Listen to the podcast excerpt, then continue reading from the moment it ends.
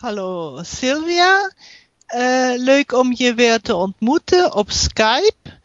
En ik wil vanavond met jou graag spreken over jouw ervaringen met het leren van talen.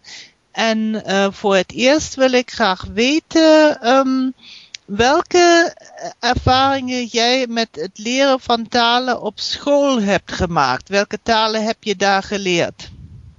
Um, nou, dat begon op de middelbare school.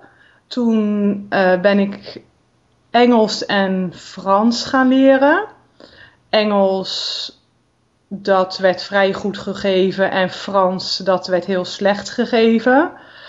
Dus na drie jaar ben ik uh, van scholengemeenschap veranderd.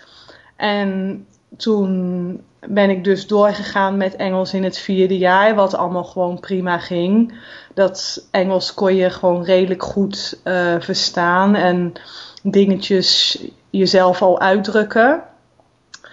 En Frans, dat was een grote ramp, want ik had drie jaar heel slecht Frans gehad. Dus het vierde jaar, toen het wel goed gegeven was, verstond ik echt helemaal niets. Ik wist eigenlijk niet goed hoe ik dingen uit moest spreken. En als ik een stukje moest luisteren, dan verstond ik het ook niet. Um, ik kon precies nog wel voldoende halen voor al mijn overhoringen, omdat je dan precies één hoofdstukje uit je hoofd moet leren en dan wordt dat ondervraagd. Ja, mag ik even vragen?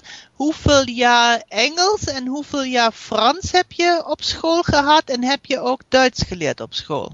Ja, ik heb dus uh, eindexamen gedaan in het Engels, dus dat heb ik zes jaar gehad. Mm -hmm. En na die zes jaar was je gewoon redelijk bedreven in het Engels. Want in de universiteit, op de universiteit moest je boeken lezen in het Engels. En dat was geen probleem. En als je ook met buitenlandse studenten wat moest praten, dan was dat ook geen probleem. Mm -hmm. En Frans heb ik dus na vier jaar laten vallen. Daar heb ik dus geen eindexamen in gedaan. Ja, ja. En het enige wat mij daarvan over is gebleven is dat ik toch een redelijke woordenschat heb opgebouwd in die vier jaar. Want toen ik na vele jaren later weer Frans begon te leren, ging het eigenlijk heel snel. Dus dat, daar is het nuttig voor geweest. Maar na vier jaar kon ik helemaal niet in het Frans met iemand praten. Ja, ja. En Duits, dat begon in de tweede klas van de middelbare school. En daar heb ik dus ook eindexamen in gedaan. Dus dat heb ik vijf jaar in totaal gehad. Ja. En ik weet dat je in alle talen waar je eindexamen in doet, moet je vrij veel boeken lezen. Wel twaalf boeken, geloof ik, uh, voor jezelf. En dan ook nog een aantal klassikaal. En ja, mag ik, mag ik maar even zeggen, dat is heel typisch voor Nederland, want in Duitsland hoeven wij dat op die manier niet te doen. Dus dat is uh, specifiek die uh, leeslijsten voor boeken in de vreemde talen, dat is uh, typisch van het Nederlandse schoolsysteem. Ja, dat, dat zal wel, maar ik weet dat ik toen erg veel moeite had om de Duitse boeken te lezen. Ik had erg veel het woordenboek nodig. Hm? Um, en ik heb laatst nog eens een keer een Duits boek dat lag op een camping gepakt. En dat kon ik zonder woordenboek toch niet goed begrijpen. Ja. Ik, ik miste belangrijke dingen en ik kende een aantal woorden niet die wel belangrijk waren voor het begrip van het boek. -hmm. En als ik uh, met iemand met een Duitse meneer of mevrouw praat, als ik die op reis ontmoet, dan kan ik me gewoon verstaanbaar maken. En die meneer of mevrouw versta ik dan ook prima. Maar ik heb, ben van heel veel woorden niet zeker of het het goede Duitse woord is. Of het überhaupt wel een Duits woord is. Of dat het misschien een Nederlands woord is. Mm-hmm. En uh, het is dus meer op een uh, gemiddeld conversatieniveau. En ik zou echt uh, veel moeten oefenen en toch ook weer dingen gaan lezen om dat op een correct niveau te krijgen. Ja, ja, ja, ja, ja. En uh, wat zijn jouw eerste taalleerervaringen als jonge volwassene? Nou, dat is dus Uh, eigenlijk toen ik ehm, in mijn laatste jaar van mijn studie uh, zat. Toen vond ik het wel leuk om naar het buitenland te gaan. Uh-huh. En toen had ik de kans om negen maanden in Budapest uh, een stage te doen. Ja. En dat uh, vond ik wel interessant. Dus een paar maanden voordat ik wegging, heb ik toen Introductie in het Hongaars of iets, zo'n boekje gekocht. En ben ik dat een beetje gaan bestuderen.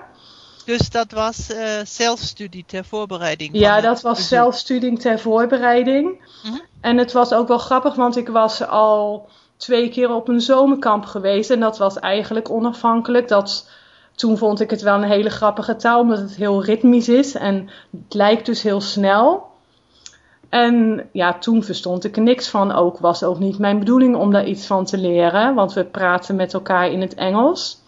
En dus toen ik daarna twee, drie jaar later terugkwam en uh, probeerde ook echt uh, in het Hongaars met uh, mijn oude en nieuwe vrienden te praten. Na ongeveer drie maanden, ik kreeg ook les daar. Ik ging twee keer per week geloof ik naar een mevrouw om wat hulp te krijgen bij het leren van het Hongaars. Um, toen kon ik na drie maanden simpele gesprekjes voeren.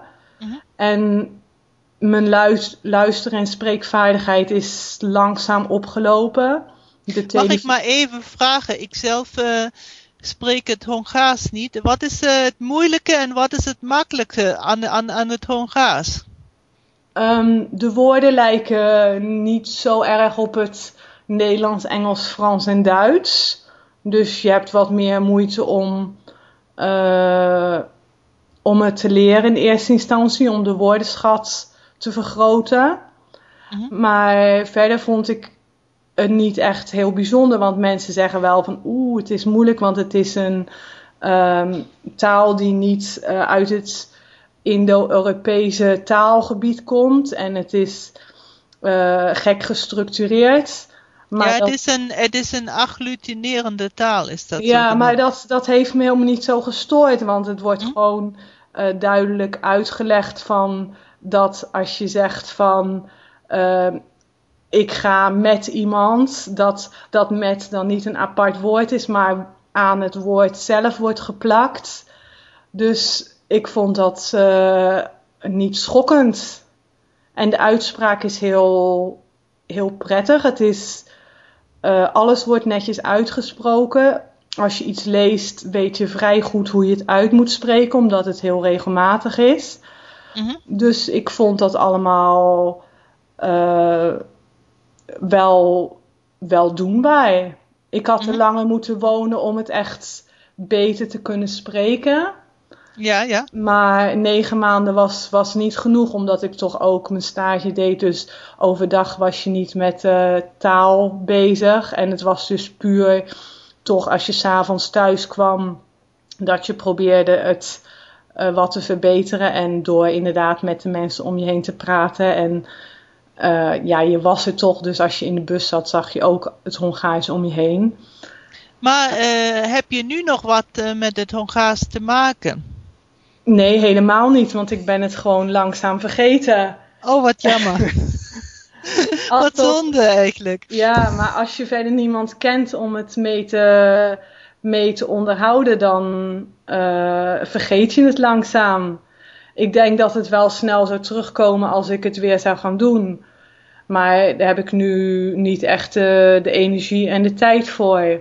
Ja, ja, als het ja, op link zou komen, zou ik het zeker uh, opnieuw uh, gaan luisteren en lezen. Ja, ja. Maar zolang dat niet gebeurt en denk dat het ook voorlopig niet gebeurt, heb ik ze niet echt ook.